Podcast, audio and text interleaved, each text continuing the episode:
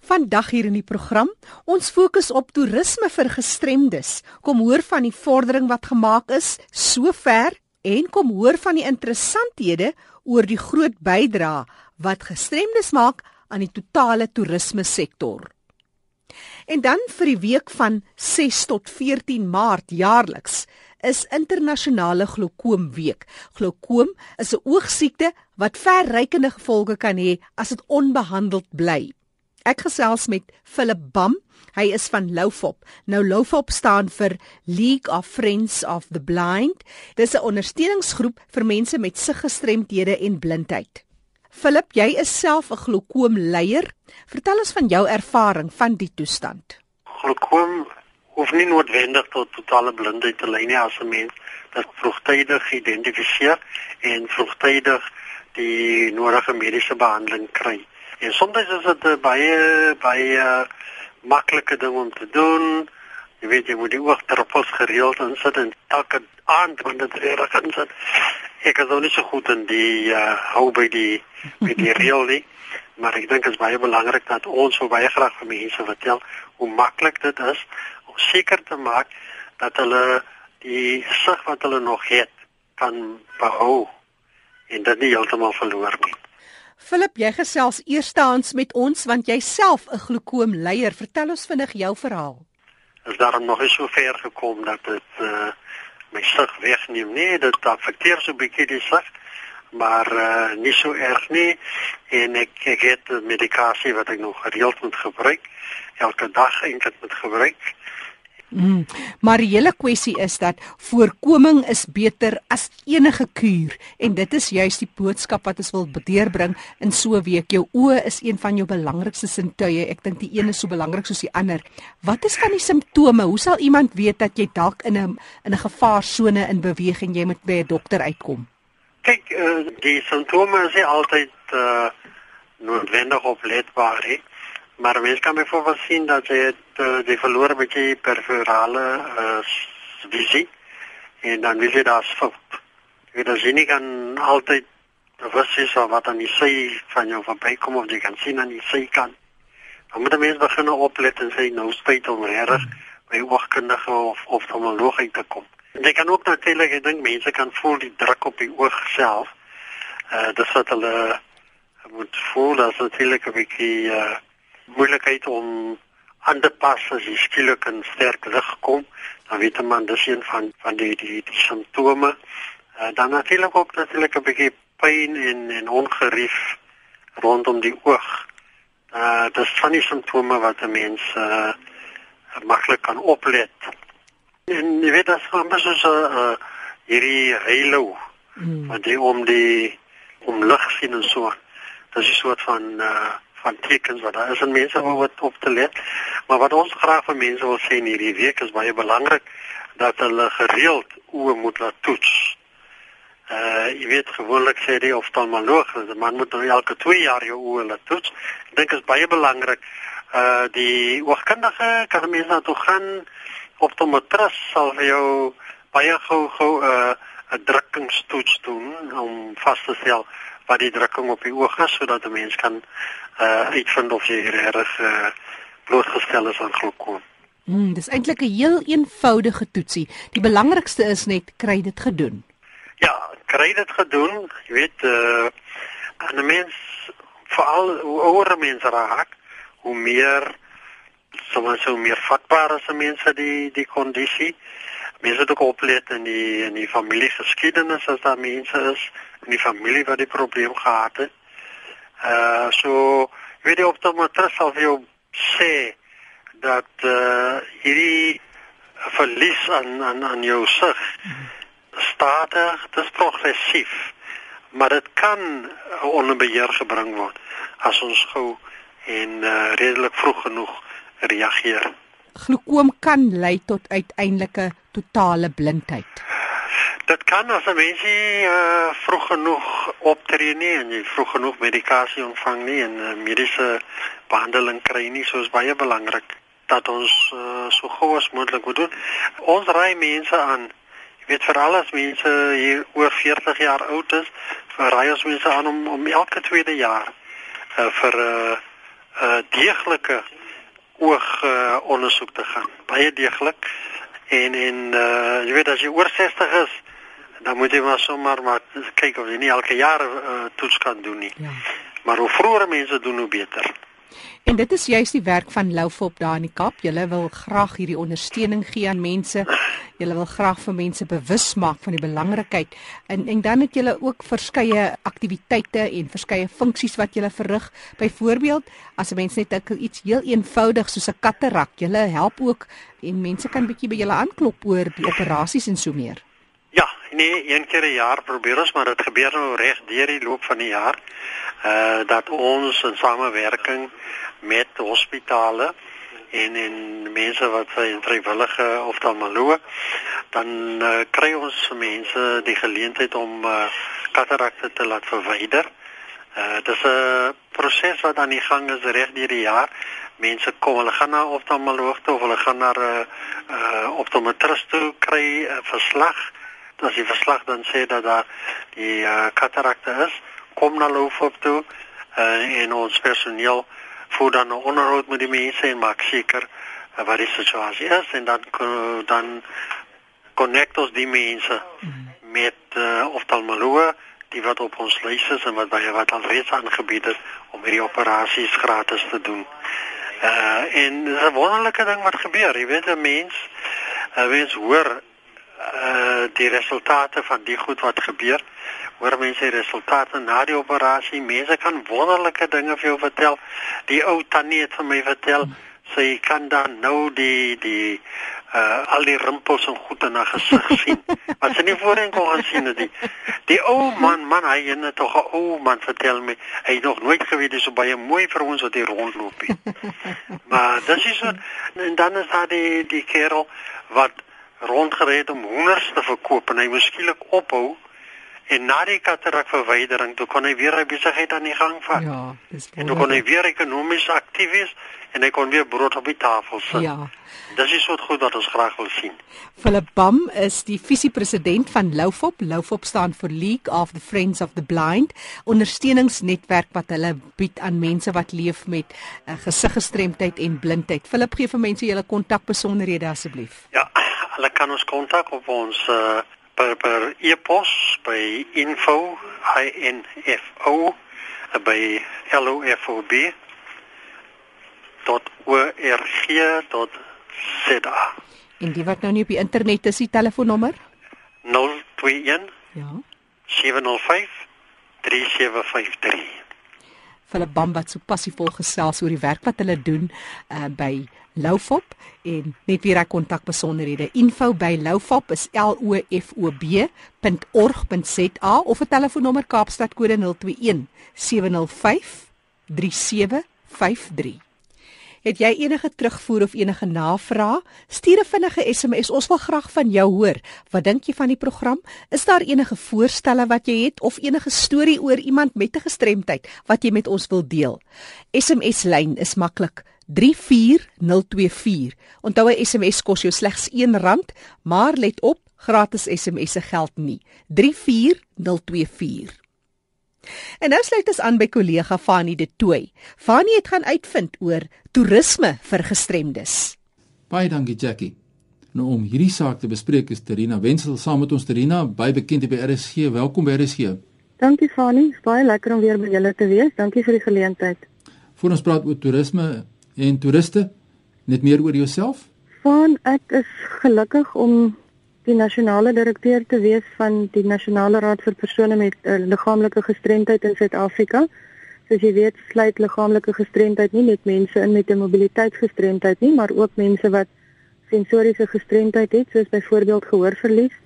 En ek is baie trots om te kan sê hierdie jaar is ek 30 jaar in die disability sektor. So dis my 30ste anniversary hierdie jaar. Ek het baie geleer, maar ek het nog vreeslik baie om te leer. So ek hoop ek word nog baie oud dat ek nog baie ander dingetjies ook kan leer. Werk baie lekker. Ja, jy's 'n leier op die gebied van gestremdheid in Suid-Afrika, iemand wat ek baie respekteer vir jou kennis oor gestremdheid en dis meer ja, ek kom ook al 30 jaar of wat saam met julle in die proses, so dit is wonderlik om saam te kan uitdagings aanpak en een van die uitdagings is natuurlik toerisme, algemene toerisme in Suid-Afrika. Wat sê jy vir ons daaroor?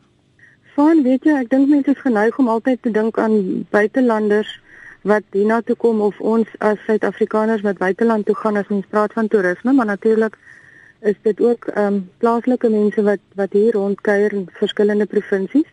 So as ons nou kyk uit 'n gestremdheidsperspektief dan is daar baie meer wat gebeur as as byvoorbeeld 10 of of selfs 5 jaar gelede. Ons is tans besig om twee Franse toergroepe wat uit meestal persone met gestremdheid maar ook ander mense bestaan te help om um, hulle programme te finaliseer vir hulle besoeke aan Suid-Afrika. Daar's baie keer 'n wanbegrip dat mense met gestremdheid nie geld het om te toer nie en niks kan verder van die waarheid wees nie en dan praat ek van buitelanders sowel as Suid-Afrikaners. Soos wat jy weet met ons wetgewing hier en en die fokus op persone met gestremdheid in die werk en so aan en selfverteenwoordiging is daar baie meer gestremde mense wat deesdae geld het om te kan travel. Ons byvoorbeeld hanteer die invoer van motorvoertuie vir persone met gestremthede saam met die departement van handel en nywerheid. En dit is verbasend om te sien hoeveel mense met gestremdheid het het eintlik genoeg geld om 'n voertuig te kan invoer. Dis natuurlik 'n hele gesprek vir 'n ander dag, maar dit sluit tog nou aan by toerisme en en net om die idee te gee van die feit dat mense met gestremdheid wel baie kan mense disposable income het wat gespandeer kan word. So dit is absoluut 'n ekonomiese besluit vir mense om hulle plekke gestremdvriendelik of toeganklik te maak vir alle alle gestremdhede. Ja, so wat jy net vir ons sê is die groot populasie van mense met gestremdhede is deel van die toerisme konsep en behoefte aan om toerisme dan te kan bevorder in Suid-Afrika en jy het vir my interessant gesê ja, is so wyd, jy weet jy noem nou van die invoer van voertuie maar ook natuurlik die toegang tot strande is julle betrokke nê om seker te maak dat mense met gestremdhede by die strand kan uitkom, is dit so? Ja, van weet jy, um wat lekker is en positief is om in die verband te kan sê is dat die Dolphin Beach in um Kouga area wat in Jeffreys Bay is, het toegestem natuurlik met al die rolspelers, Wesa, die munisipaliteit, provinsiale rolspelers om nie hulle blou vlag status toe te ken as daar nie toeganklikheid is nie. So dit is baie baie ver gevorder. Daar's nog 'n paar dingetjies wat moet gebeur, maar dis regtig 'n baie goeie voorbeeld van waar dit werk en waar dit positief is. En ons kry regtig fantastiese terugvoer. En ons moet natuurlik vir Jackie Pieters, een van ons bestuurslede van die Oos-Kaap wat self 'n kwadripleegus krediet daarvoor gee. En hy woon ook deesdae Wessa se vergaderings landwyd by om dan strande te identifiseer in ander areas um, wat geprioritiseer word vir toeganklikheid en een van die wat natuurlik vir ons 'n groot kopseer op die stadium nou is is Kampsbaai se strand wat so mooi is en daar word so baie geld gespandeer en dit lyk na so 'n ryk area wel uit ons oogpunt en hy's nou nog nie toeganklik nie. Ehm um, maar dan weer as mens kyk na Meisenberg is dit nou weer 'n strand wat wel deur deur jou te doen en ander mense met gehoorverlies is dit 'n strand wat baie gefokus het op toeganklikheid vir mense met gehoorverlies. So mense kan met vrymoedigheid vir ouens sê gaan soontoe die ehm um, lifesavers en die, die ander personeel selfs die sekuriteitspersoneel is baie bewus van hulle rol en ja, daar's baie goeie signage op so die strande proses gaan aan. Ons ons doen natuurlik ook baie met betrekking tot ehm um, die die ondersteuning aan die departement van omgewingsake om voorstelle te maak vir watter mense met gestremdheid kwalifiseer wel om 'n permit te kan kry om op die strand te gaan met 'n motorized vehicle of dit nou 'n buggy is, 'n beach buggy is of 'n tipe van 'n quad bike of wat ook al.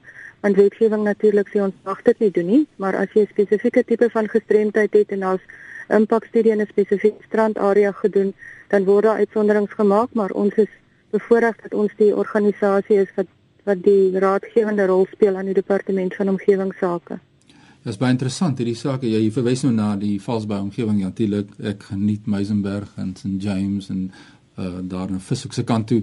Ja, as dit persoon wat doof is, is dit so waar dat daar's baie mense wat regtig positief is.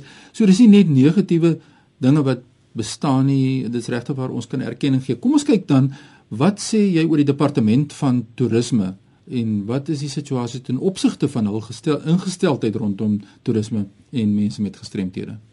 Van as ek een projek kan uitsonder die departement het verlede jaar 'n tender uitgesit om te sê dat hulle wil spesifiek kyk na die toeganklikheid van parke, so sandparks en so en soos jy weet werk ons al jare saam met sandparks op op 'n aan en af basis, maar daar's baie deurbrake al en daar's baie goeie inligting beskikbaar oor toeganklikheid um van byvoorbeeld die sandparks parke. Die departement het toe op die ouende 'n tender aan ons toegeken om te help om opleidingsmateriaal te skryf en pilotprojekte te doen by verskillende parke om die personeel op te lei um, om te weet waarna om op te let wat fisiese dinge aanbetref en daarmee bedoel ek infrastruktuur tipe dinge rondom verskillende gestremdheid. Weer eens nie net um, fisies gestremdheid nie maar ook infrastruktuur veranderinge wat moet gebeur om mense met ander gestremthede ehm um, soos gehoorverlies blindheid en so aan ehm um, 'n redelike kans te, kan gee tot deelname maar dan ook natuurlik die meer soft skills tipe dinge van dat die persoon met 'n gestremdheid by so 'n park aankom ehm um, hoe die personeel die persoon kan ondersteun om die maksimum genieting te kry van die besoek aan die park. En dan sluit dit nou restaurante in, toergidse en so 'n tipe dinge.